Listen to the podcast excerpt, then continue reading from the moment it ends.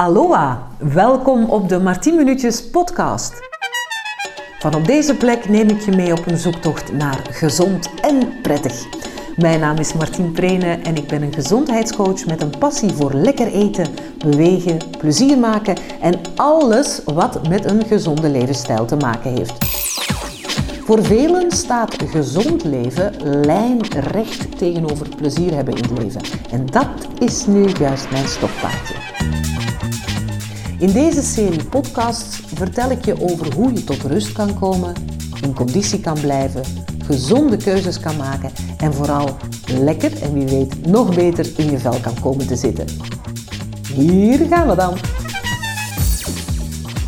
We komen bij dokter Rudy Proesmans om te praten over zijn boek Optimale Immuniteit. En oh hoera, de man is voor mij al thee aan het zetten en speciale.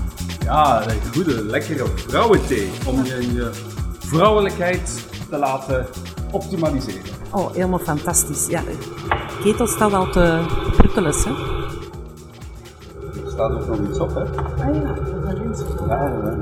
Practice compassion, forgiveness and kindness. Oh, nou, ik vind dat een. Er staat ook nog iets op, hè? Ik zie hier ook jouw andere boek staan, Optimaal Gezond, zonder medicijnen. Ja, het is echt wel jouw, jouw dingetje, hè? van probeer mensen echt in hun gezonde vibe te krijgen, zonder dat ze meteen allerlei dingetjes gaan slikken. Dat is het verschil tussen eh, niet ziek zijn en optimaal gezond zijn. Dat is voor mij de ultieme betrachting. Eigenlijk is mijn betrachting mezelf overbodig maken.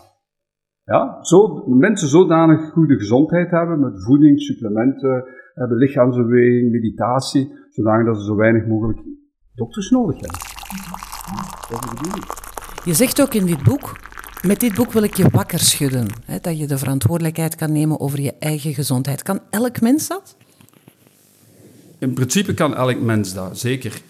Ehm, natuurlijk, je hebt ook wel een beetje de genetische belastingen, omgevingsfactoren die de expressie van je genen bepalen, die ook bepalen of je gaat, gezond wordt of ziek eh, gaat worden. Ehm, en dan heb je soms wel wat artsen nodig die allee, een beetje in dezelfde lijn denken als ik, om je dan wat bij te sturen. Maar in principe kan het... Ja, iedereen heeft eigenlijk een gezondheid meegekregen. En ja, het is maar de kunst om die inderdaad, die gezondheid te behouden, te vrijwaren. Ja, en dat is niet voor iedereen evident. Hè. Je zei het al, niet elke arts kijkt met zijn neus in dezelfde richting. Hè. Ik heb ook begrepen uit mijn opleiding dat ja, orthomoleculair of voedingsleer, dat dat helaas nog niet iets is wat elke arts meekrijgt in zijn opleiding. Hè. Nee, er, helemaal niks. We worden als arts opgeleid, ik heb de opleiding ook gedaan, we worden als arts opgeleid om een ziekte te herkennen en daar een medicijn tegenover staan. Dus elke ziekte moet behandeld worden met een medicijn dat de farmaceutische industrie ontwikkelt, maar er wordt helemaal niks gedoseerd over wat is gezondheid, hoe kunnen we onze gezondheid verwaren, wat is, wat is het belang van voeding, wat is het belang van voedingssupplementen, eh, wat kunnen we doen om die immuniteit te optimaliseren en een boost te geven. Nee, daar wordt helemaal niks over gedoseerd in heel de universitaire opleiding. Dat is natuurlijk zonde, want we zitten nu in een periode waarin we eigenlijk die immuniteit zo sterk mogelijk moeten houden. En toen schreef, schreef jij dit boek, midden in corona. Een boek over hoe we zelf daaraan kunnen werken. Want eh, het, is, het is echt wel een gids voor iedereen. Het is heel leesbaar geschreven. Het is niet een boek dat je zegt van daar krijg ik nu hoofdpijn van. Tenminste, dat vond ik toch. Ehm, nu, u zegt in uw boek, ik beschouw het coronavirus een beetje als een wraak van de natuur. Hè. Een, een, een soort van wake-up call, een oproep om ons te bezinnen over gezonder met onszelf en met de wereld omgaan. Is het dan eigenlijk ook een beetje een manifest van, oké mensen, dit is wakker schudden, ga nu toch alsjeblieft eens aan jullie eigen gezondheid werken. Le microbe n'a rien, le terrain c'est tout. Dat is, het terrein, de constitutie is zo belangrijk. Ja? En daar werken we te weinig. We moeten er eigenlijk elke dag aan werken. En daar wordt helemaal geen rekening mee gehouden. We spreken nu, heel die corona-epidemie, er wordt altijd maar gesproken over afstand houden en, en maskers dragen en vaccins. Maar je hoort geen woord over wat we zelf kunnen doen, over het belang van bijvoorbeeld vitamine D, belang van voeding, belang van een, een, ideaal gewicht na te streven. Daar hoor je helemaal niks van. Hè?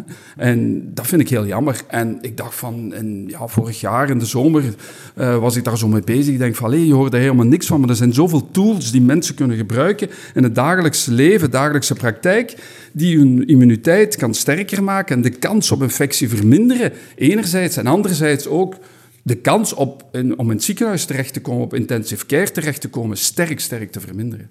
En dan lees ik, de groentewinkel is de beste apotheek. Ja, inderdaad, ja. De groentewinkel, eh, fruit en groenten, pulvruchten, bonen, linzen, kikkerrechten, eh, meer mediterraan, vegetarisch, veganistisch dieet blijkt toch nog altijd wel het beste te zijn om onze gezondheid in optimale conditie te brengen. Oh, dat is wel heel grappig. Ik zie daar ineens buiten in jouw tuin een man in een boom hangen. er is een boomdokter aan het werk in de tuin van meneer Proesmans. Het is bij de buren. Ja, het is bij de buren. Het is een heel raar beeld. Ineens zo'n meneer die in een boom voorbij klautert als een aapje. Um, ja, even terug naar uh, het interview. Komt het dat er eigenlijk nu zo'n virus, uh, ja, dat dat zo massaal uh, ja, aanwezig is. En dat, er zo... dat de hele wereld op zijn kop staat. Ja, de wereld op zijn kop staat, zoveel doden. En Indië nu, dat is dramatisch. Dus we zijn ook op een verkeerde manier bezig met ons ecosysteem. En dat vind ik ook wel belangrijk en dat belicht ik ook wel in mijn boek ook. We leven op een verkeerde manier met de dieren. Ja? Al die, die virussen, het vogelvirus, het, uh, wat heb je, het ebola-virus, ook AIDS-virus, dolle koeien, al die virussen, die komen ergens van de dieren omdat wij op een verkeerde manier met de dierenwereld omgaan. Omdat wij ze, ja, ze misbruiken en, en heel de veeteelt, heel die industrie die uh, gebaseerd is om ons, ons ja, vlees te geven. Ja, dat is eigenlijk helemaal verkeerd georganiseerd.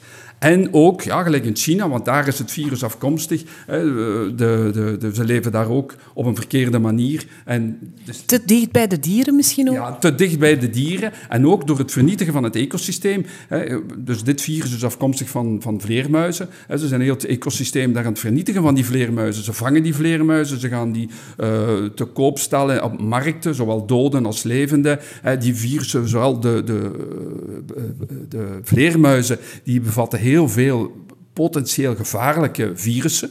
Ja, en dat is meer dan 1,2 miljoen virussen zijn potentieel gevaarlijk. En een grootste deel daarvan is, is aanwezig bij vleermuizen.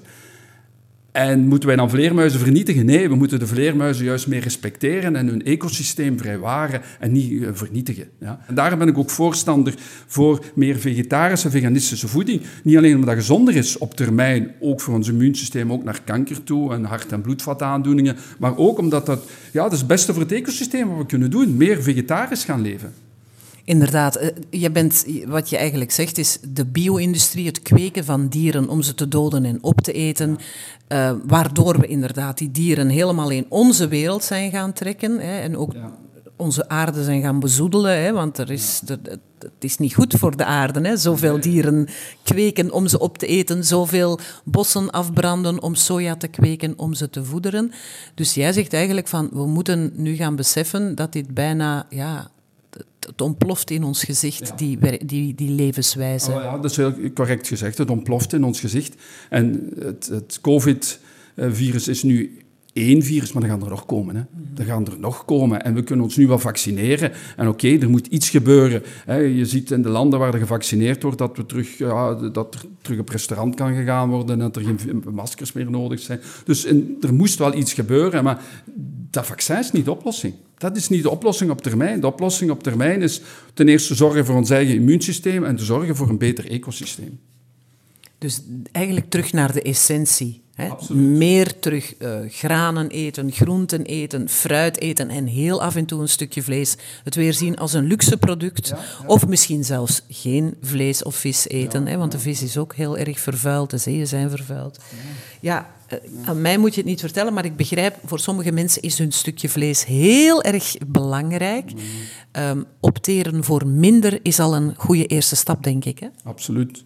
Ja, en ik probeer altijd een positieve boodschap te brengen. In die, die, zin van niet te veel verbieden, maar meer naar het positieve te gaan. En ga meer voor groente en fruit. En ga meer voor vegetarisch. En ga meer voor bonen, linzen, pulvruchten. Dan ga je automatisch minder van dat vlees eten, minder suikers eten, minder dierlijke producten eten. En als we dat allemaal zouden doen, ja, de wereld zou er veel beter uitzien. Ja. Het is ook natuurlijk zo dat het eten van heel veel dierlijk eiwit ons lichaam verzuurt, hè, waardoor ons lichaam ook weer verzwakt. Absoluut. En verzuurd, uh, is schadelijk voor de nieren ook op termijn. Uh, veel vlees de, vlees, de afbraakproducten van vlees, gaat onze darmflora nadelig beïnvloeden. En een optimale darmflora is super belangrijk voor het immuunsysteem. Absoluut. Ja, inderdaad. We gaan er straks nog eventjes op terugkomen over de, op die darmflora, op, op het belang van uh, de gezondheid van die darmen. Hè? Want ja. ja, daar, daar ontstaat heel veel, zelfs ons geluksgevoel ontstaat in de darmen, maar ook zeker die immuniteit waar we het vandaag over hebben. Ik lees ook in je boek, um, je hebt heel veel tekeningen in je boek over hoe het immuunsysteem precies werkt. Voor sommige mensen is dat nog een beetje Chinees. Kan je dat heel helder uitleggen van wat is onze afweer? Hoe werkt dat nu eigenlijk? Um, ja, dat is niet zo simpel om dat in twee woorden uit te leggen, maar ik ga proberen wat simpel te houden. Je hebt een, een aangeboren immuunsysteem en je hebt het adaptieve immuunsysteem. Het aangeboren immuunsysteem is waarmee je geboren bent. Dat zijn de witte bloedcellen. In de witte bloedcellen heb je natural killer cells, heb je neutrofielen. Dat zijn allemaal moeilijke namen. Maar het komt erop neer, de witte bloedcellen zorgen voor de eerste lijn afweer. Dus als je een virus of een bacterie, dan gaan die, uh, die, die witte bloedcellen gaan proberen die virusbacterie te elimineren. Ja. Kapot te maken. Kapot te maken, elimineren, um, ja, kapot maken. Ja. Um, en dan heb je het adaptieve, dat is eigenlijk meer het, het systeem dat zich gaat, uh, dat geprogrammeerd wordt door het eerste systeem. Dus het aangeboren immuunsysteem gaat signalen geven. Gaat signalen geven. Uh, dat zijn... Ik ga even de hond binnenlaten. Ja, binnen. Ja, we zitten nu dat veel te lang. Ja, och, garme toch. Och, garme toch. Grote paniek. Oh, nu zijn we weer helemaal blij, hè? Ja, oké. Okay. Goed, goed. Is, is het oké okay nu? Het is oké. Okay. Dus je hebt een aangeboren immuunsysteem, dat hebben we gehad. Maar ja. kan je nog eventjes het adaptieve immuunsysteem beginnen uitleggen? Dus het adaptieve immuunsysteem wordt als het ware gestuurd door het aangeboren. Het aangeboren uh, immuunsysteem die gaat signalen geven hè, aan het adaptieve. Dat is eigenlijk gelijk een vaccinatie ook. Mm. Dus de, die witte bloedcellen gaan signalen geven aan bepaalde lymfocyten. Dat zijn T-helper-lymfocyten. Uh, en die gaan dan uh, ook op zich antistoffen maken tegen die bacterie, tegen die virus. Maar dat is altijd een laattijdige reactie. Dus de eerste, het uh, aangeboren is de eerste lijn en dan eigenlijk dit is de tweede lijn. Hè. Die gaat zich ontwikkelen nadat de eerste lijn uh, ja, bijvoorbeeld ja, dat dat onvoldoende is. Dat is eigenlijk ook onvoldoende. En die gaat dan signalen maken dat die witte bloedcellen in de tweede lijn de virusbacterie toch gaan vernietigen. Ja. Dus je hebt het aangeboren immuunsysteem en je hebt het adaptieve systeem. En het adaptieve immuunsysteem is eigenlijk een soort van celletjes die door het aangeboren immuunsysteem leren van ah, als dat binnenkomt, dat is geen goeie, die moet aanvallen. Ja. En ik heb begrepen dat dat adaptieve systeem, dat dat ook iets is dat flexibel is. Dat niet alleen maar afgaat op het virus van vorig jaar in maart, maar dat ook op een gemuteerd virus of een virus dat zich heeft aangepast, dat dat daar ook op kan reageren. Klopt ja. dat? Ja, ja, dat klopt. Dus inderdaad, dat is correct gezegd. Ah, maar ik heb het goed uitgelegd. Ik heb ook goed gelezen. maar ja, dan heb je natuurlijk het, het COVID-19-virus. Heel veel mensen zeggen, ja, maar je moet uitkijken, want als je weerstand te hoog is, dan worden ook ziek. Veel mensen denken dat het immuunsysteem begint te flippen omdat het te goed werkt. Hoe zit dat nu eigenlijk? Ja, ja, dat is dan weer een ander probleem. Het immuunsysteem kan inderdaad overreageren en dan, krijg je, dan noemen ze dan de cytokinestorm. Dus uw witte bloedcellen maken cytokines, dat zijn afweerstoffen. En als uw immuunsysteem ontregeld is, dan krijg je als het ware een overproductie, cytokinestorm zeggen ze, dus een overproductie van antilichamen tegen die virus. Maar die overproductie van die antilichaam die gaat dan weer ontstekingen in de handwerk, bijvoorbeeld in de luchtwegen, en dan hebben mensen moeilijkheden met ademen, komen ze in intensive care terecht en moeten dan beademd worden. En dat is omdat hun, immuunsysteem overreageert. En ja, vandaar dat ook mensen, als ze de, ehm, in intensive care terechtkomen, krijgen ze ook cortisone toegediend. En waarom cortisone? Om juist het immuunsysteem even ja, te suppressen, te onderdrukken, de- de- om die overreactie ehm, betere kanalen te leiden. Dus het immuunsysteem begint eigenlijk te flippen. Hè? Het, immuunsysteem draait, draait een beetje tureluurs. Ja. Ehm, dus het immuunsysteem gaat dan overreageren, gaat ons eigenlijk te snel willen verdedigen. Klopt dat dan? Is het juist wat ik zeg? Die cytokinestorm is eigenlijk te veel willen verdedigen en daardoor... Nee, nee, eigenlijk niet. Nee.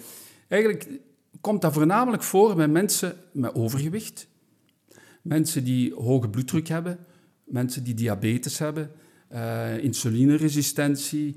ehm, en dat noemt een low grade of inflammation. Dus die hebben een lage graad van ontsteking. Je kunt het eigenlijk vergelijken met een smeulend vuurtje dat aanwezig is. Omdat, omdat ze dus die, die diabetes hebben of overgewicht hebben, zijn ze eigenlijk constant in een lage graad infectie. Ontsteking, ontsteking, excuseer. Ja, ja, infectie is wat anders. Ja. Ontsteking, inflammatie. Dus we hebben een lage graad van inflammatie, van ontsteking. En als die virus daarbovenop, dus eh, het lichaam, het afweersysteem, gaat dan eh, antistoffen maken. Maar dat is een beetje gelijk ja, een smeulend vuurtje waar je olie op gooit en dan in één keer een laaiende vlam krijgt. En dat kunnen we vergelijken. En dan krijg je die cytokinestorm en dan krijg je die overproductie van antilichamen en dan komen ze op intensieve zorgen terecht. Dus eigenlijk komt het doordat het ziekte bovenop ziekte is. Ja, juist, inderdaad. Ja. De ziekte op de, er is al een vorm van ziekte aanwezig en dan die virus er bovenop en dan krijg je, ja, dan krijg je echt een explosie van, van eh, antistofproductie en van ja, eh, orgaanfalen ook. Met andere woorden, het is heel belangrijk als je wil beschermen tegen dit virus en misschien de virussen die nog komen, om ervoor te zorgen dat die eh, laaggradige infectie weg is. En daar, dat wil zeggen, op je gewicht zijn, proberen zeker diabetes type 2 door middel van je voeding uit je leven te halen enzovoort. Ja, inderdaad. Het is, je zei even weer verkeerd, het is geen lage graad van infectie, het is een lage graad van inflammatie. Een infectie is door een virus, een bacterie, dus is een ontsteking, een lage graad van inflammatie die aanwezig is, maar die we eigenlijk kunnen voorkomen en behandelen. En dat is lifestyle. Hoge bloeddruk, diabetes, overgewicht zijn allemaal dingen die we zelf iets aan kunnen doen. Door anders te eten, door meer te bewegen, eh, door bepaalde voedingssupplementen. Vitamine D bijvoorbeeld gaat ook al die lage graad van inflammatie ondersteunen, gaat ervoor beletten dat er een cytokinestorm kan eh, zich ontwikkelen. Dus eh, vitamine C en vitamine D werken samen. Dus door bepaalde supplementen te nemen, samen met je gewichtscontrole en eh, voor die optimale voeding gaan, kan je heel veel doen om ja, die, die, die schade te beperken. Laten we beginnen bij overgewicht. Heel veel mensen vechten daarmee. Het is iets, een ziekte van onze westerse beschaving. Ook eh, veel vrouwen na de menopauze hebben daar problemen mee. Ik, ik spreek in naam van heel veel vrouwen die in die menopower zitten, maar toch wel kampen met overgewicht. En dan kan je wel eh, gaan, gaan werken daaraan, maar is de essentie dan toch anders gaan eten, meer bewegen en die suikers bannen? Dat is de essentie, ja. ja. Maar dat is moeilijk, hè? Want ehm, ik merk het zelf. Ik ben, eh, ik ben 57. Eh, ik vind het heel moeilijk om gewicht te verliezen. Ik eet niet veel suiker. Ehm, ik beweeg echt wel elke dag minstens een half uur, zoals u dat in uw boek eh, zegt.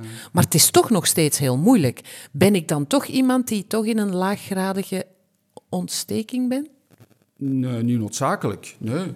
Ja, en het is inderdaad moeilijk, gelijk je zegt. Ik zeg altijd, vrouwen in de menopauze moeten gewoon... Als die hetzelfde blijven doen als wat ze ervoor deden, dan komen ze sowieso bij. Dus je moet meer bewegen en minder eten, sowieso. Ook al heb je een beetje overgewicht, heb je dan een lage graad van inflammatie, niet noodzakelijk. Nee, dan moet je, een bloedonderzoek kan dat wel uitwijzen. En dan is er de, het de geraffineerde voeding. Hè? De voeding, de, het witte brood, de witte, de witte granen, eh, witte pasta.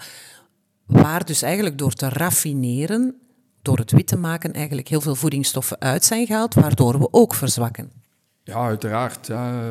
Witte pasta, witte rijst, eh, wit brood, alle geraffineerde voeding, gelijk uh, correct zegt. Daar zijn al de ballaststoffen, de vitamine, mineralen, de vezels allemaal uitgehaald. Dus hetzelfde als witte suiker.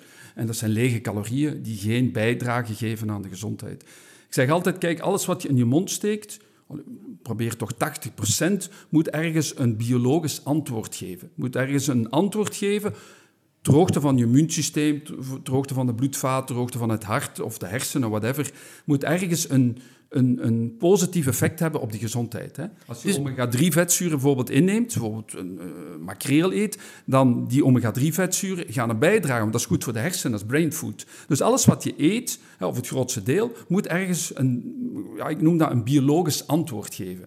Een gezonde functie hebben in je lichaam. Ja, inderdaad. Ja, ja, ja. En die vezels, hè, want we hadden het er straks al over die darmen, hoe belangrijk die zijn voor je immuniteit.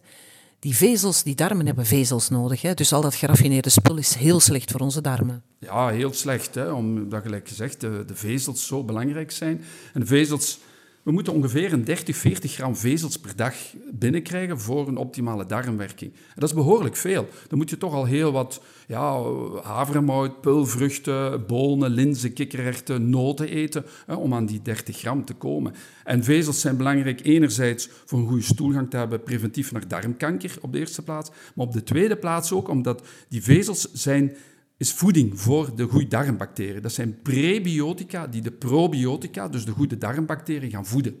En die probiotica die maken dan op hun beurt die, gelijk ze dat noemen, short-chain fatty acids. Dat zijn bepaalde vetzuren die opgenomen worden vanuit de darm en die ons immuunsysteem stimuleren. En daarom zijn die vezels zo belangrijk. Niet alleen voor de goede stoelgang te hebben, maar voor ons immuunsysteem. Ja, want in onze darmen leven bacteriën die ons helpen. Hè, want veel mensen denken bij het woord bacteriën aan, oh dat is niet goed voor ons. Hè, maar het is geloof ik meer dan 90 procent die helpen ons. Die zorgen ervoor dat we inderdaad die goede vetzuren aanmaken, waardoor ons immuunsysteem optimaal kan functioneren. En er is bij heel veel mensen altijd de, het probleem, wat is nu weer de pre en wat is nu weer de pro? De pre is eigenlijk gezorgd ervoor dat ze gegeten hebben en de pro, dat zijn eigenlijk de bacteriën. Ja, ja. De prebiotica is de voeding voor de probiotica voor de goede bacteriën, de lactobacillen en de bifidus en zo verder. Ja. En dan gaan we eventjes toch nog hebben over vetten. Want dat is ook zoiets waar mensen bang van zijn gemaakt. De afgelopen decennia ging het steeds over, uh, oh, ziet uit met vet en dat is niet goed voor uw hart en dat is niet goed voor uw cholesterol.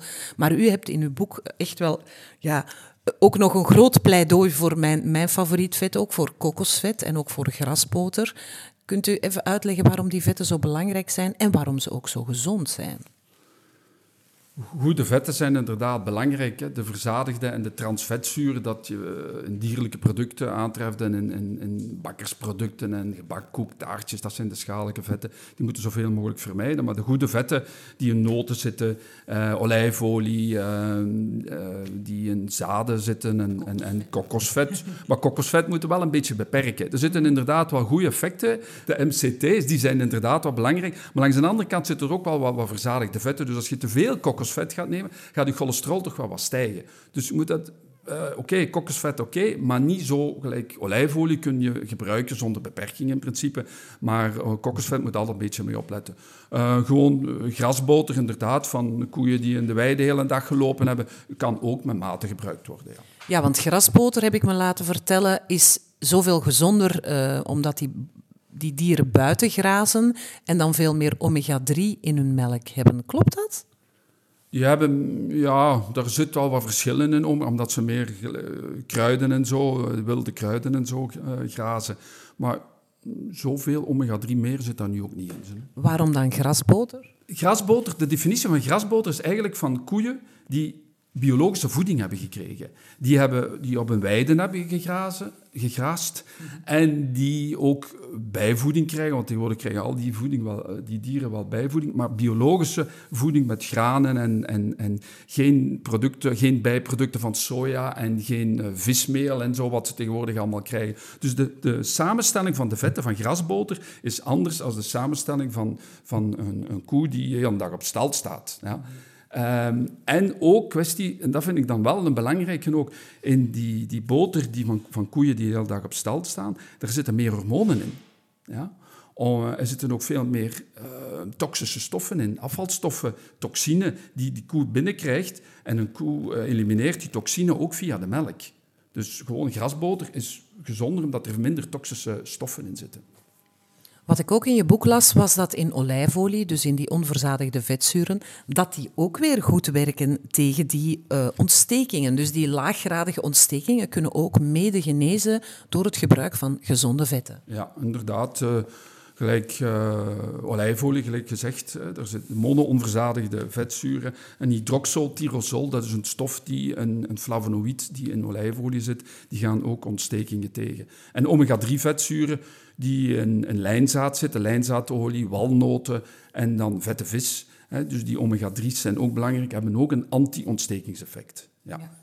Ja, ik vind het ook wel heel belangrijk, omdat ik, ik gebruik ook heel vaak walnotenolie, maar je mag die olie met omega-3 niet verhitten. Hè? Nee, liefst niet verhitten. Vandaar dat walnotenolie alleen voor koude gerechten en ook vis, als je uh, zalm bakt in de pan, je moet dat niet te, te doorbakken. Dus eigenlijk moet die vis nog beter wat rauw zijn om die omega-3 niet allemaal kapot te maken. Dus sushi is gezonder? Ja, inderdaad, ja, zwaar.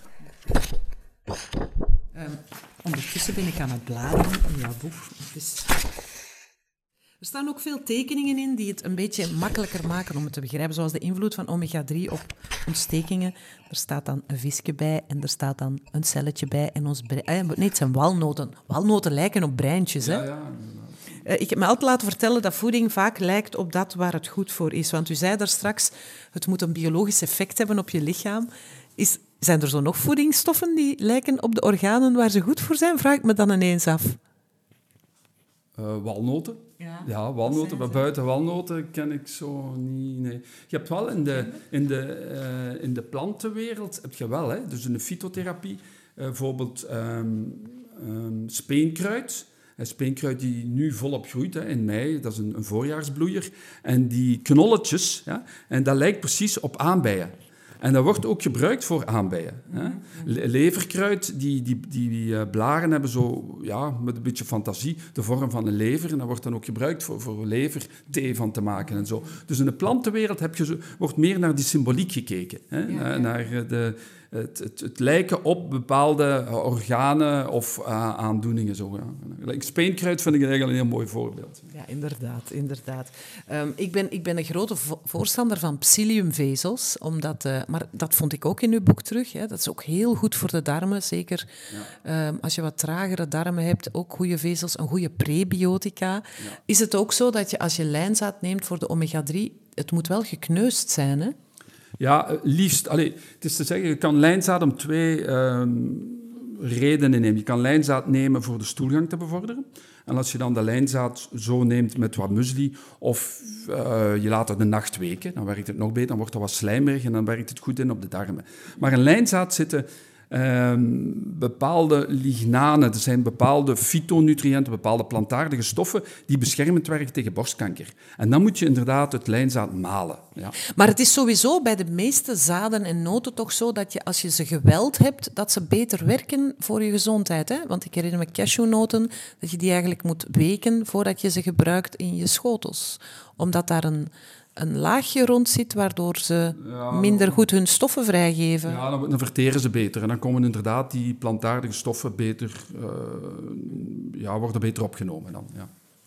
U hebt in uw boek ook een, ehm, en dat vind ik altijd heel fijn om te zien, en ik weet ook dat u daar zo over denkt, over dierenwelzijn gesproken. U begon u, eh, het gesprek daar al mee dat het mm. inderdaad geen goed idee is om dat extreme kweken en te dicht bij de dieren komen en bijna samen met de dieren gaan leven, um, dat dat toch um, ja, een enorme impact heeft op onze, op onze gezondheid. En dat voelen we nu al met COVID.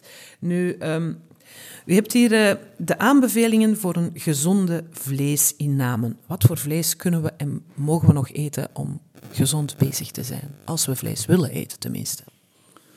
Als je vlees eet, zou ik zeggen maximum eenmaal per week. Ja, zeker niet meer. Uh, en liefst dan vlees van dieren die ja, in de wilde natuur hebben geleefd. Ja, die gewoon gras eten en die kruiden eten en die, ja, als ze volwassen zijn, eh, geslacht worden. En niet de klassieke veeteeltindustrie. Ja, die, die dieren die krijgen allemaal soja. Soja afkomstig van eh, Zuid-Amerika, van tropisch regenwoud. Dus het tropisch regenwoud gaat eraan. Hè. Je moet heel dat transport van soja doen. Voor, voor, en die dieren krijgen dan die soja. Soja zitten dan veel omega-6 vetzuren. En het vlees bevat veel meer omega-6 vetzuren. Dus onze omega-6 vetzuurinname is al veel te groot, dus dat is ook al ongezond. Ja. Uh, ja, en enerzijds voor het dierenwelzijn en dan anderzijds ook voor de gezondheid, omdat die, dat vlees ook veel minder afvalstoffen bevat, minder hormonen, alhoewel hormonen nu niet meer zo gebruikt wordt. Maar het, de samenstelling van het vlees is veel beter, juist omdat die dieren de hele dag hebben buiten gegraast en ook alleen maar gras hebben gegeten en kruiden. En geen soja en geen uh, vismeel en van al die andere dingen uh, die eigenlijk, ja... Uh, koeien en varkens niet horen te eten. Hè. Ja, en dan wordt het wel moeilijk, hè? want je gaat naar de supermarkt en daar ga je kijken, wat koop je dan? Want biologisch vlees, is dat dan echt wel biologisch? Veel mensen vragen mij dat. Nu vraag ik het aan u als arts. Waar koopt u vlees als u vlees eet? Maar u eet geen vlees, denk ik, hè? Uh, nee, eigenlijk niet. Nee. We eten af en toe wel eens kip of biozalm.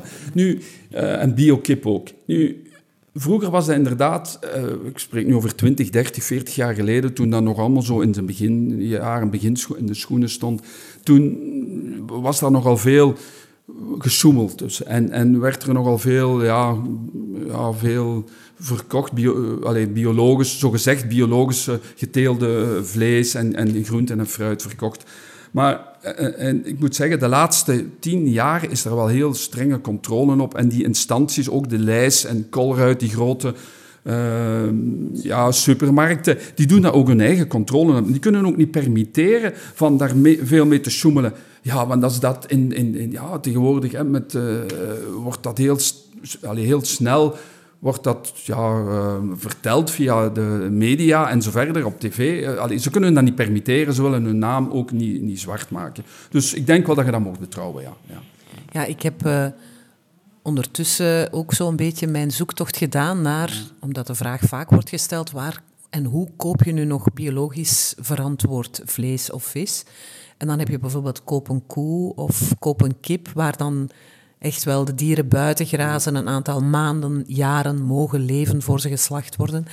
Um, maar hoe zit het dan met vis? Want u had het net over biozalm, want de visinname, hè, vissen zijn, als je het zo hoort, ook nogal serieus vervuild. Hè? De, de dieren, in de, de koeien in de stallen bevatten toxische stoffen, maar de vissen bevatten zware metalen. Ja, absoluut. En veel zware metalen. Ik zie, als ik bloedonderzoek doe bij patiënten, dan kan ik zo uithalen degene die veel vis eet. Gewoon door de hoeveelheid zware metalen. Echt waar? Ja. Bijvoorbeeld kwik uh, arsen, uh, lood, minder mate lood, maar vooral kwik en arsen. Ik zie, ik zie dat zo in het bloed. Ja? En ik zie zo van, veel tonijnen, veel rog of veel platvissen, uh, dus vissen die op de bodem van de zee leven, die het, het, het zand filteren en daardoor veel toxische stoffen binnenkrijgen. Maar dat zit ja, in de vis en gaat dat dan opeten. Dus ik zie het zo dat inderdaad de vissen erg vervuild zijn door industriële vervuiling. Uh, enerzijds. En anderzijds, als we zoveel blijven vissen, dan zit er binnenkort geen vissen meer in de zee. Op 40 jaar tijd, en Greenpeace heeft daar, of WWF, een van de twee, heeft daar een groot onderzoek naar gedaan. En het blijkt dat op 40 jaar tijd de helft minder vis in de zee zit. Ik vind dat ongelooflijk. Hè? Ik ben nu zelfs 62 jaar. Toen ik 22 jaar was, zat er dubbel zoveel, nee, 50% meer vis in de zee. Ja, het is, het is eigenlijk afschuwelijk. Het is echt horror, hè? Ja, ik vind het echt... Allez, ik vind dat... Ja, als we zo blijven verder gaan, dan is het echt wel een ramp. Um, en, en ook een belangrijk iets, een groot deel, ongeveer een 30, 40 procent van de vis die gevangen wordt, wordt gebruikt voor de, de voeding van de, voor de veeteelt voor het voeden van de koeien en van de varkens en van de kippen. En de scampi's heb ik me ooit eens laten vertellen. Scampi's schijnen de varkens van de zee te zijn. Daar geven ze ook al, alle, alles wat ze vissen of overbevissing gaat in poeder en dat wordt aan de scampi's gevoederd, heb ik begrepen. Ja, ook al. Dat is nog een ander. Scampi's die worden ook op een heel verkeerde manier gekweekt. Die krijgen heel veel antibiotica en antischimmelproducten. Om die zitten met zoveel bij elkaar in grote bassins als het ware. En die krijgen allerlei ziektes. Ja, en die, dan geven ze die ook massaal veel antibiotica en antischimmelproducten. Maar uh, dus die... die allez, ik vind doordat we zoveel dieren, dierlijke voedsel eten, doordat we zoveel vlees eten, hè, gaan we, die, die dieren moeten ook massaal gevoed worden. Gelijk ik zei, met soja, met maïs en ook met, met vismeel. En we zouden beter de vis dan zelf opeten in plaats van hem aan de dieren te geven en die dieren dan opeten. Dat is een enorm verlies van eiwitten. Hè? Absoluut, absoluut. En dan denk ik, het mediterrane dieet, waarvan ik altijd heb geleerd dat dat een gezond dieet is, daar eet men dan de sardinekes, de kleine vette visjes en zo. Is dat dan nog wel gezond?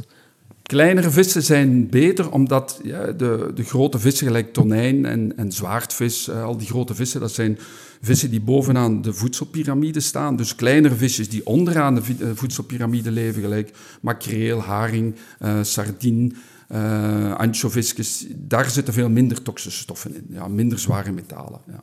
Als je dat dan één of twee keer per week eet, is dat ook al beter. Ja. ja. Oké, maar dat mediterrane dieet, dat is vooral ook goed, omdat die zoveel groenten eten. Die vertrekken altijd vanuit de groenten. En het is allemaal zo kleurrijk. De paprika's, de tomaten, de, de aubergines, de courgettes... Uh, in uw, in uw boek pleit u ook voor eh, de traditionele mediterrane voeding. De basis van elke maaltijd zijn de plantaardige voedingsmiddelen.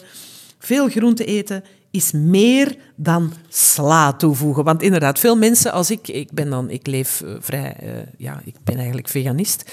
Ik krijg heel vaak sla voorgeschoteld. Of mensen zeggen, ah, jij eet als een konijn. Dat is niet waar, hè, Rudy? Nee, nee, dat is absoluut, absoluut niet waar. Dat is inderdaad nog zo de gedachte van veel mensen van hè, veganisten, dat is alleen maar wat konijnenvoer. Uh, allee, je kunt hele lekkere dingen maken en, en dus, ja, er is nog wel wat anders dan alleen maar sla. Uh, met pulvruchten kun je heel lekkere en, en heel gevarieerde gerechten maken. Uh, vandaar dat ik ook heel grote voorstander ben van meer pulvruchten. Bonen, linzen, kikkererwten, tofu... Uh, omdat daar ten eerste veel vezel zitten, zitten allerlei fytonutriënten in die ons nog een extra bescherming geven naar hart- en bloedvataandoeningen, kanker, uh, ook hersenen, voor de, preventief naar dementie toe. Dus dat moeten wij eigenlijk meer eten en je kunt dat heel lekker en heel gevarieerd maken. Je kunt daar noten bij doen, zaden, pitten. Eigenlijk ja, de, originele Marokkaanse voeding. Ja, dat is. Ik krijg nogal veel Marokkaanse patiënten ook. En ja, Marokkanen die hier in ons land leven, die eten allemaal verschrikkelijk slecht. Hè. Die eten allemaal, ja, allemaal junkfood, maar die stoppen hun eigen vol suikers. En ik zeg altijd tegen die mensen van, kijk, je moet eten gelijk je grootmoeder had in Marokko. Dat was zo. En dan kijken ze altijd naar En dat is eigenlijk iets belangrijks. Dat nemen ze altijd mee. Dan onthouden. Want de volgende die dan komt... Ja, gaat tegen mijn, mijn familielid of vriend gezegd... Ja, we moeten eten gelijk ons grootmoeder. En dat onthouden ze dan wel. En, dan, en ze geven dat inderdaad ook toe van... Ja, dat die heel weinig vlees en vis aten, maar die heel veel pulvruchten aten. En uh, ja, veel noten, zaden, pitten. En, en die heerlijke tagines, vol ja, groenten. Ja, ja, tagines, ja, ja. En dadels en vijgen hè, als, als, als suikerbron. Maar dat zijn nog gezonde suikers. Nu moet je eigen daar ook niet mee volstoppen. Maar dat is, in dadels, vijgen zitten heel veel ook, ook, vezels en, en ook fytonutriënten die dan weer goed zijn ook voor de darmen, naar darmkanker toe en zo verder. Als we die groenten, hè, meer groenten gaan eten, is het dan belangrijk dat we biologische groenten eten? Het is belangrijk van veel groenten te eten. Um, maar is het beter voor je immuunsysteem? Um, laat het zo zeggen dat veel groente eten belangrijk is voor je immuunsysteem. Als het nu biologisch is, dan gaat ons immuunsysteem niet onmiddellijk beter van worden, maar wel ons algemeen lichaam wordt er beter van, omdat we minder van die toxine binnenkrijgen, minder pesticiden, minder herbiciden. Um, er is zo enkele jaar geleden een heel grote studie gebeurd in Frankrijk, waarin ze 100.000 mensen gedurende 10 jaar of 20 jaar volgden. En het bleek wel dat mensen die biologische voeding aten, veel minder kanker kregen. Ja? Omdat ja, die pesticiden die je elke dag binnenkrijgt met uh, bespoten groente en fruit, die hebben wel een impact. Niet onmiddellijk op ons immuunsysteem, maar wel naar kanker toe. Oké. Je hebt een volledig uh, hoofdstuk in je boek gewijd aan een gezonde darmfunctie. We hebben het er al een paar keer over gehad, over de pre- en de probiotica. Maar hier staat, ik heb het met een, met een fluostift aangeduid, je ziet het hier. Vermijd zuurremmers. Nu, stress en maagzuur, dat is iets dat hand in hand gaat. De mensen hebben heel veel stress, zeker nu tijdens corona. Ga ik mijn job nog houden? Wat met mijn bedrijf? Krijgen daar letterlijk het zuur van. En beginnen dan met maagzuurremmers. Maar dat is funest voor de darmen, lees ik in jouw boek. Inderdaad. Waarom? Nu ga je een glasje water nemen. Ja, veel babbelen, daar krijg je een droge mond van. Hè? Het is goed dat je dat doet.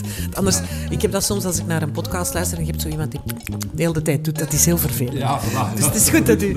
Oké, ja. Maar we Ja, hadden het dus- dus over die eh, maagzuurremmers. Waarom zijn die zo ongezond?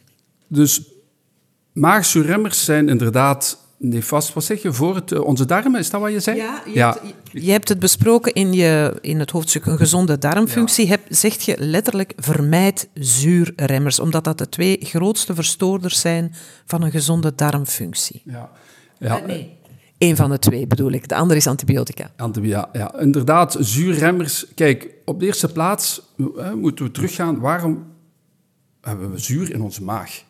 Dus maagzuur is heel belangrijk. De natuur heeft ons maagzuur gegeven om de voeding goed te verteren. Maagzuur heb je nodig om, om, om de voedingsstoffen af te breken. En de stoffen uit de darm, eh, al die, ja, die, die eh, aminozuren en de koolhydraten die afgebroken worden, vetten die afgebroken worden, moeten in de darm opgenomen worden. Maar daar heb je maagzuur voor nodig voor die te ontbinden, bij wijze van spreken. Dus dat is één. En een tweede, de maagzuur is een natuurlijke barrière tegen allerlei virussen, bacteriën, parasieten. Dus als je je maagzuur continu onderdrukt, ga je die barrière wegnemen, heb je veel meer risico voor een virale infectie of bacteriële of parasitaire infectie. En het is ook aangetoond dat eh, nu bij die, eh, heel die corona-epidemie, dat mensen die COVID hebben en maagzuurremmers nemen, dubbel zoveel kans krijgen om in het ziekenhuis opgenomen te worden. Ja? Dus ze verdubbelen hun kans alleen al met die maagzuurremmers te nemen. En de, de kans ook op de infectie verdubbelt ook. En dat is logisch. Hè? Dat is logisch. Dus die, die, als je met maagzuurremmers dat gaat onderdrukken, dan ga je ja, meer gemakkelijker ziek worden. En ja, door dat je allerlei tekorten ontwikkelt doordat dat je de, de stoffen niet meer goed neemt, opneemt uit je voeding, gelijk ik daar straks zei. Je gaat minder opname hebben van allerlei vitamine, mineralen, B12, eh, vitamine D, zink, magnesium. Al die dingen die belangrijk zijn voor het immuunsysteem ga je minder opnemen door maagzuursuppressie. Ja, en dan ga je ook weer eh, meer risico hebben op infectie en een zwaardere infectie. Dus meer ernstiger ziek zijn. Dus eigenlijk dat maagzuur zorgt ervoor dat onze darmen goed hun werk kunnen doen, dat ze goed alle voedingsstoffen kunnen opnemen. Hè. Het breekt het eigenlijk in kleine, goed opneembare stukjes. Ja. Nu, u zegt de echte oplossing voor maag- en darmproblemen is eigenlijk anders eten. En dan hebt u het over juiste combinaties. Ik denk dan meteen aan meneer Montignac nog van vroeger. Ja, inderdaad. Ja, 40 jaar geleden was Mon- Montignac kwam zo met theorieën van Zo oud zijn ik dus, hè? Ja, ik ook. dus eh, geen koolhydraten en eiwitten in dezelfde maaltijd. Hè. Eh, toen werd hem zo afgeschilderd van eh, een of andere goeroe die weer iets kwam verkondigen. Maar eigenlijk vertel ik dan, ja, 40 jaar later nog altijd hetzelfde. En voor een optimale vertering moet je koolhydraten en eiwitten best splitsen. Dus geen brood met kaas in dezelfde maaltijd. Geen aardappelen met vlees en groenten. Je mag wel aardappelen met groenten of aardappelen met vlees of vis. Eh, nee, ik zeg het verkeerd. Of groenten met vlees of vis eten. Om die vertering te optimaliseren. En dan heb ik, denk ik hieraan, en ik denk ook aan daar straks wat je zei over bewerkt vlees, dat dat ook niet gezond is. Daar gaat dan voor veel mensen hun pistoleken op zondag met charcuterie of een stukje brie daartussen. Hè? Ja, ja, dat is inderdaad wel een slechte combinatie. En eh, de slechtste combinatie die je kunt inbeelden is eigenlijk een, spaghetti bolognese. Hè? Dat is heel veel koolhydraten met veel vlees en veel kaas. Ja, dat verteert van geen kanten. Hè? Lasagne, hetzelfde. Hè? Dat zijn dingen ook, hoort dat ook, hè? mensen die mij komen vertellen hè, over als ze maagproblemen hebben. Ja, eh, lasagne, spa- spaghetti, maar ja, uiteraard verteerde dat moeilijk. Als je een pasta eet, liefst dan volkoren pasta om meer vezels te hebben, alleen met groente eten, maar geen kaas erbij en geen vlees erbij. Ik heb onlangs nog een hele lekkere vegan lasagne gepost op mijn social media en daar zat niks in en die verteerde fantastisch goed. Fantastisch, dat recept wil ik onmiddellijk hebben. Wel, ik ga het u doorsturen, ik ga het u doorsturen. Ik blader nog even verder. We zijn ondertussen al lang aan het praten, maar het is allemaal zo interessant. U hebt ook een... eh, er staan verschillende voedingswijzes in uw boek. Eén is wat we net zeiden, de juiste combinaties zijn belangrijk. U hebt, eh, u hebt het over het mediterrane dieet, maar u hebt het ook over het anti-inflammatoire dieet. Dat is weer waar we het over, net over hadden. Dus als we die laaggradige ontstekingen hebben, verhoogt ons risico op ziek worden. Dus ons, ons immuunsysteem zo sterk mogelijk houden, dat kan door goed te eten. En dan staan hier fantastische lijstjes in. Wat je zeker moet opnemen in je voedingswijze en wat je het best kan elimineren. En dan zie ik hier staan sinaasappelsap. En dat is voor veel mensen het gezonde dat je doet. Als je ochtends een, een verse sinaasappelsap drinkt, dan ben je goed bezig. Ja, ten eerste ben ik niet zo voor sappen. Ehm, alle fruitsappen, groentesappen, ja, dat is een ander verhaal. Maar de fruitsappen liefst vermijden. Het enige sap wat je kan drinken is citroensap. Ja, citroensap met wat water 's morgens is zeker heel zinvol voor een goede vertering. Eh, voor je lever en je maag op gang te brengen 's is dat zeker zinvol. Alle sappen bevatten heel veel suikers. En omdat je sap van maakt, gaat je die vezels ofwel elimineren of die vezels helemaal kapot maken, zodat je die suikers snel gaat opnemen. Nu, in het boek over dat anti-inflammatoire dieet is nog wat anders, omdat daar al de stoffen, de voedingsproducten die ontstekingen kunnen veroorzaken, daarom is dat nog niet schadelijk. Ik ben niet tegen sinaasappels, maar het kan wel een ontsteking geven. Dus bijvoorbeeld mensen met reumatische klachten eh, die bij mij komen, zet ik eerst op dat dieet om te kijken of die citrusvruchten überhaupt een effect hebben op hun reumatische klachten. Als dat niet zo is, oké, dan mogen ze dat wel eten. Het is niet door sinaasappels te eten dat je sowieso reuma krijgt, maar sommige mensen hebben er wel reumatische klachten van en moeten het dan niet eten. Ja, want als ik denk eh, citrusvruchten, dan denk ik vitamine C. Ja, vitamine C, ja, tuurlijk. Maar de citrusvruchten eh, ook, eh, moet je proberen altijd zo te eten. Eh, gewoon schillen en met vezel en al opeten. Voilà, dat weten we dan. Dus met vezel en al opeten. En ik heb zelfs een blender waar ik mijn citroen met schil en al in gooi. Ah ja, oké, goed. Heel goed dan. Dus dan eet ik hem helemaal op. Met de schil en al. Ja. Dan moet je wel zien dat het biologisch is, hè. Dat niet, hè? Uiteraard, hè. Ja. Alleen maar biologisch bij ons. En dat is dan een, eh, nog een extraatje in de schil van citrus, zeker van citroen. En daar zit veel limoneen in. En de limoneen, dat is heel belangrijke preventie van kanker. Zeker borstkanker. Dus je bent heel goed bezig, Martin. Goh. Mijn neus zit hier te krullen, hè. dat is niet te doen. Je ziet dat niet, hè, maar hij krult. In jouw boek heb je het over de aanbevolen dagelijkse hoeveelheid. Dat is de ADH-afkorting. Die staat op de meeste van de supplementen die we slikken als we aan suppletie doen. Want daar wil ik het met jou toch ook heel graag over hebben. Je hebt het al een paar keer over vitamine D gehad. Je hebt het over zink gehad. Ik heb mijn zakje met mijn supplementen meegebracht om eens met jou te kijken of ik goed bezig ben of niet. Maar ehm, blijkbaar is de ADH of de aanbevolen dagelijkse hoeveelheid die op de doosje staat bij ons in België, dat is veel te laag, zeg jij. Ja, dat zijn, dat zijn minimale waarden. Ik, mijn betoog is, en dat zeg ik in, in mijn boek, en dan verkondig ik elke dag tegen de patiënten, mijn betoog is, er is een verschil tussen niet ziek zijn, optimaal gezond zijn. Als je die ADH-waarde volgt, ja, dan heb je voldoende om niet ziek te worden. Als je één of twee sinaasappels per dag eet, heb je voldoende vitamine C om niet ziek te worden. Dat is dan de ADH-waarde. Maar optimale waarde van vitamine C voor een optimaal immuunsysteem, voor je witte bloedcellen optimaal te laten werken, ja, dan moet je al naar 500.000 milligram gaan. En dan ga je alleen... Dat zijn veel appelsinen. Dat zijn veel appelsine, ja. Dus vandaar dat een, een, een, een vitamine C-supplement heel zinvol is. Hetzelfde ook met vitamine D. De vitamine D, de ADH-waarde, is ja, 400, ja, sommigen zeggen 800, maar ook op, dat is veel te weinig. Voor een optimaal werkend immuunsysteem moet je al naar 4000 gaan, 5000 eenheden. En dan moet je eigenlijk een, ja, een supplement nemen. Bijvoorbeeld de vitamine D, ik vind dat eigenlijk een heel mooi voorbeeld om ook eventjes te vertellen. Als je een half uur in de zon ligt en meer dan, laten we zeggen, 60% van je lichaamsoppervlakte is blootgesteld aan de zon, dan gaat je lichaam al zelf 20.000 eenheden vitamine D maken. Dat is enorm veel. De aanbevolen dagelijkse hoeveelheid is 800 eenheden. Maar als je een half uur in de zon, dan gaat je lichaam zelf al 20.000 eenheden aanmaken. Dus je lichaam is wel heel slim. Dat zegt van, oh, ik zit hier in de zon. Vitamine D is heel belangrijk voor mijn afweer, immuunsysteem tegen kanker. Dus ik ga je heel veel vitamine D maken, omdat ik dat nodig heb. Maar dat kan niet als je zonnecrème op hebt. Nee, als zonnecrème houdt natuurlijk al de UV tegen en dan ga je geen vitamine D maken. ja. Met andere woorden is het toch wel goed om een half uur onbeschermd in de zon te liggen, maar dan misschien toch niet tussen 12 en 3. Ja, nee, je moet, hè, wat ik hier nu zeg is, is, is theoretisch zo, maar je moet zien dat je niet verbrandt, uiteraard. Hè.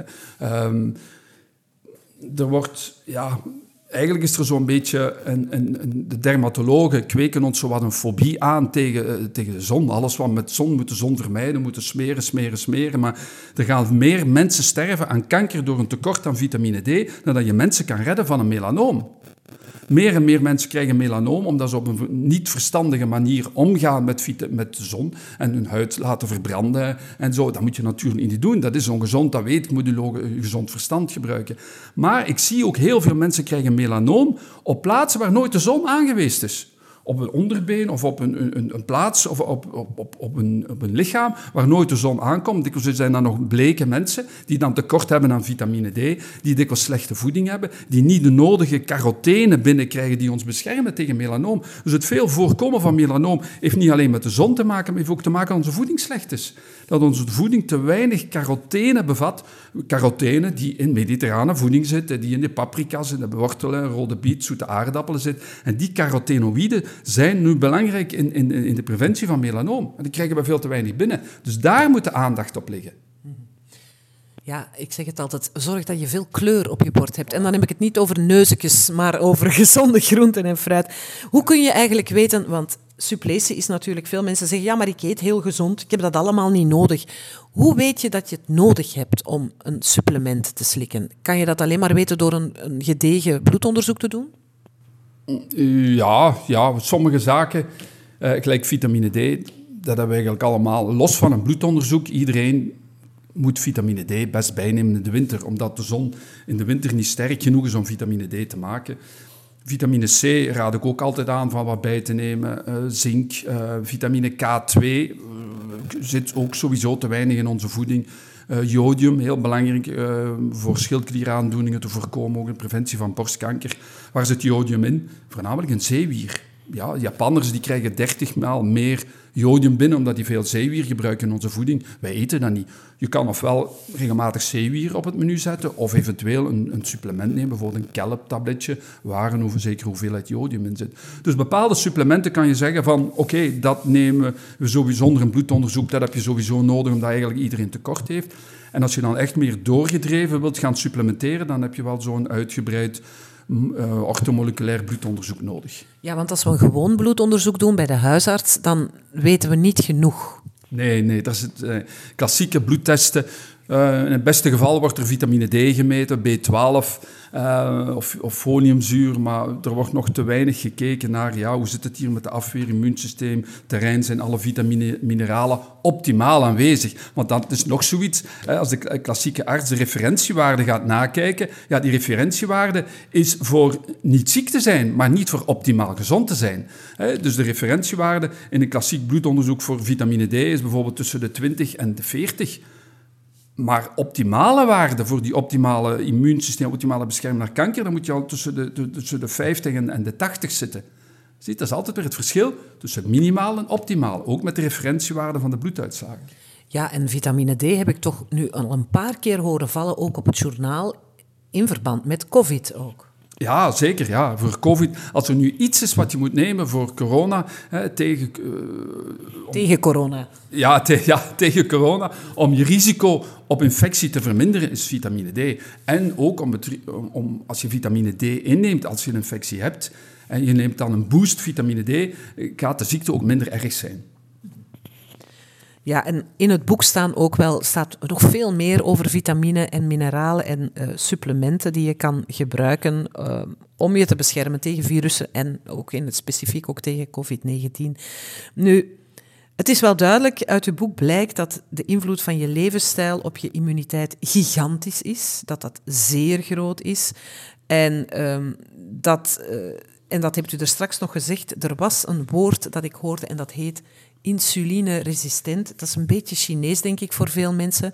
Maar als je lijdt aan insulineresistentie, lees ik in jouw boek, dan ben je toch ook een beetje bijna een vogeltje voor de kat als het gaat over virussen. Dus wat is dat insulineresistent zijn? Insulineresistentie geeft ook die lage graad van inflammatie. Hè? Die low-grade inflammation waar we het over hadden daar straks. Um, insulineresistentie geeft dat ook. Maar wat is dat eigenlijk? Insulineresistentie wordt veroorzaakt door, eigenlijk door twee dingen. Door overgewicht en te weinig beweging. En dat maakt dat je, je lichaamscellen te weinig gevoelig worden voor de insuline. Je insuline gaat dan stijgen. Ja? En die insuline, verhoogde insuline, gaat in ook weer ontstekingen in de hand werken. En hoe kan je je cellen lichaamcellen terug gevoeliger maken voor insuline door minder suikerinname, minder koolhydraten en lichaamsbeweging. Ja? En eigenlijk, eigenlijk is het heel simpel. Ja?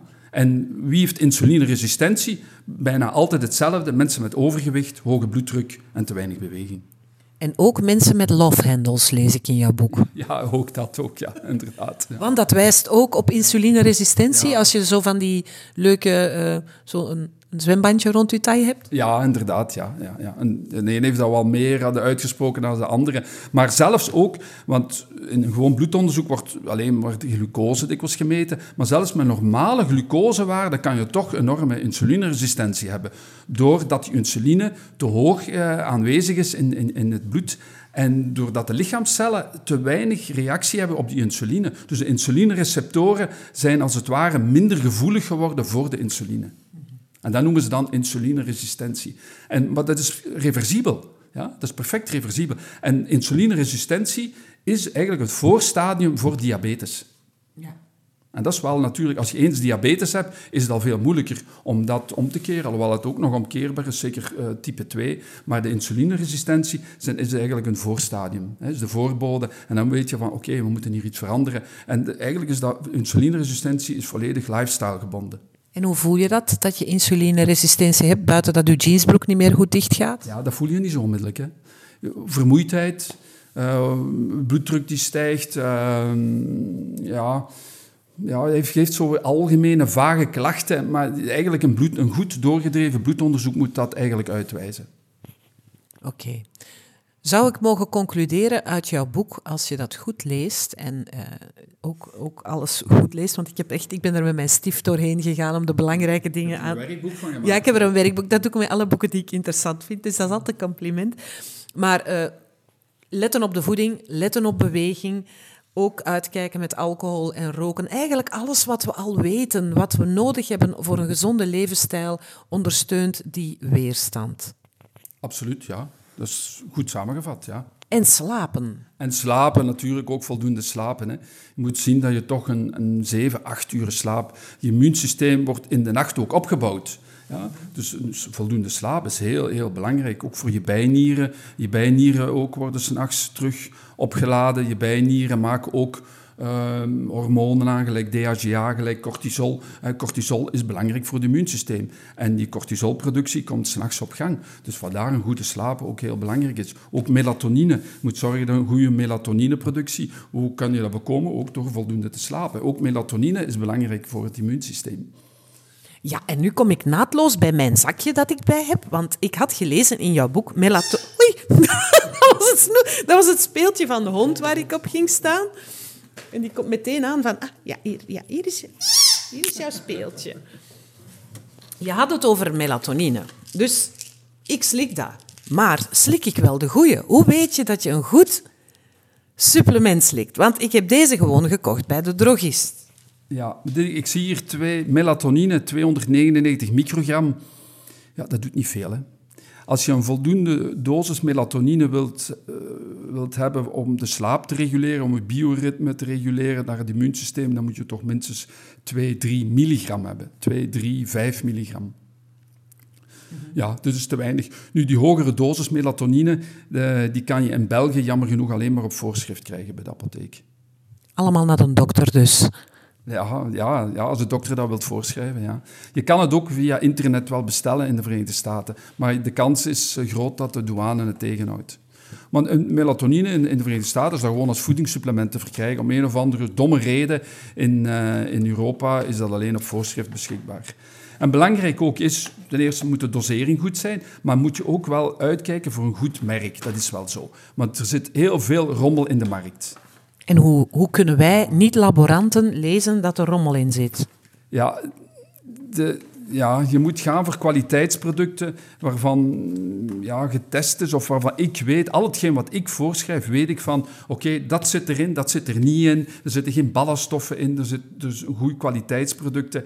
En er is zoveel aanbod op de markt dat het als leek heel moeilijk is. Ik weet natuurlijk, ja, omdat ik er al 36 jaar mee bezig ben, maar ik zie de producten die hier voor u, mij staan, die zijn inderdaad wel goed. Dat zijn betrouwbare producenten die inderdaad ook wel op een heel eh, zinvolle en betrouwbare manier bezig zijn. Ja. Ik zal er een fotootje van maken, ik zal het bij de podcast zetten.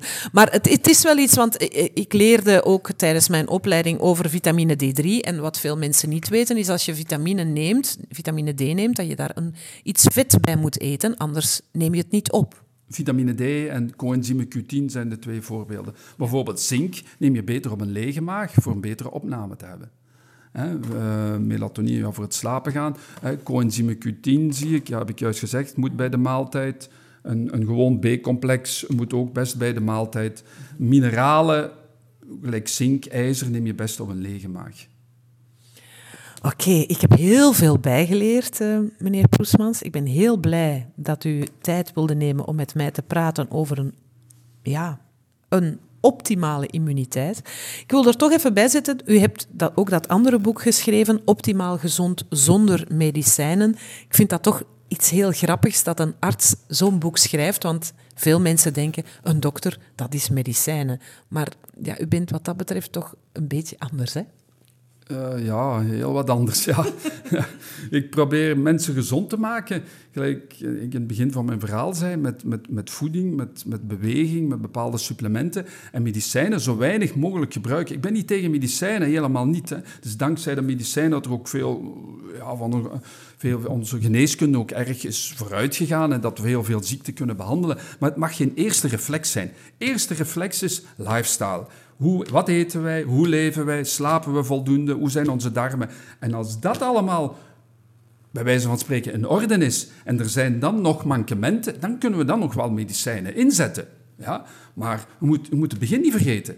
Medicijnen is, is, ja, ik zal niet zeggen het laatste redmiddel, maar mag niet de eerste reflex zijn.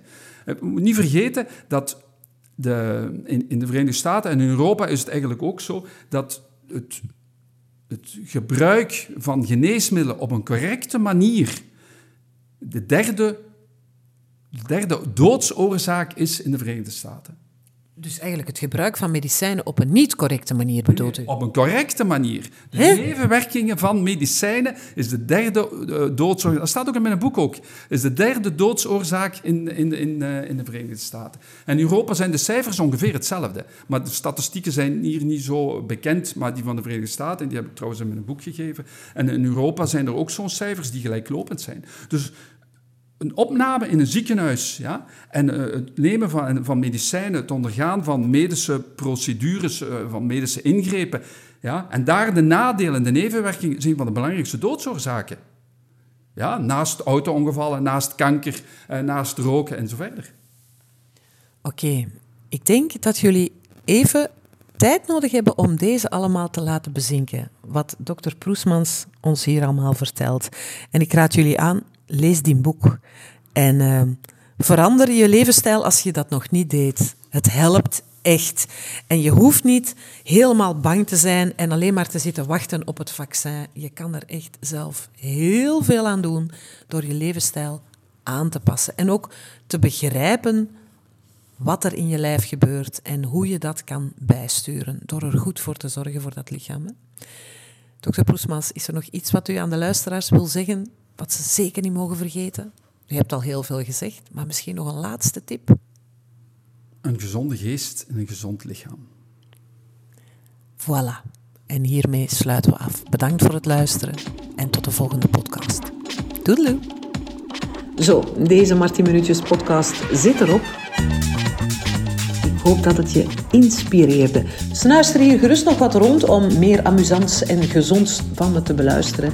En ik nodig je bij deze ook van harte uit op mijn site www.martineplene.be voor inspirerende filmpjes, gezonde tips en tricks en mijn gouden raad voor een nog prettiger leven. Bedankt om te luisteren en tot de volgende keer. Doei!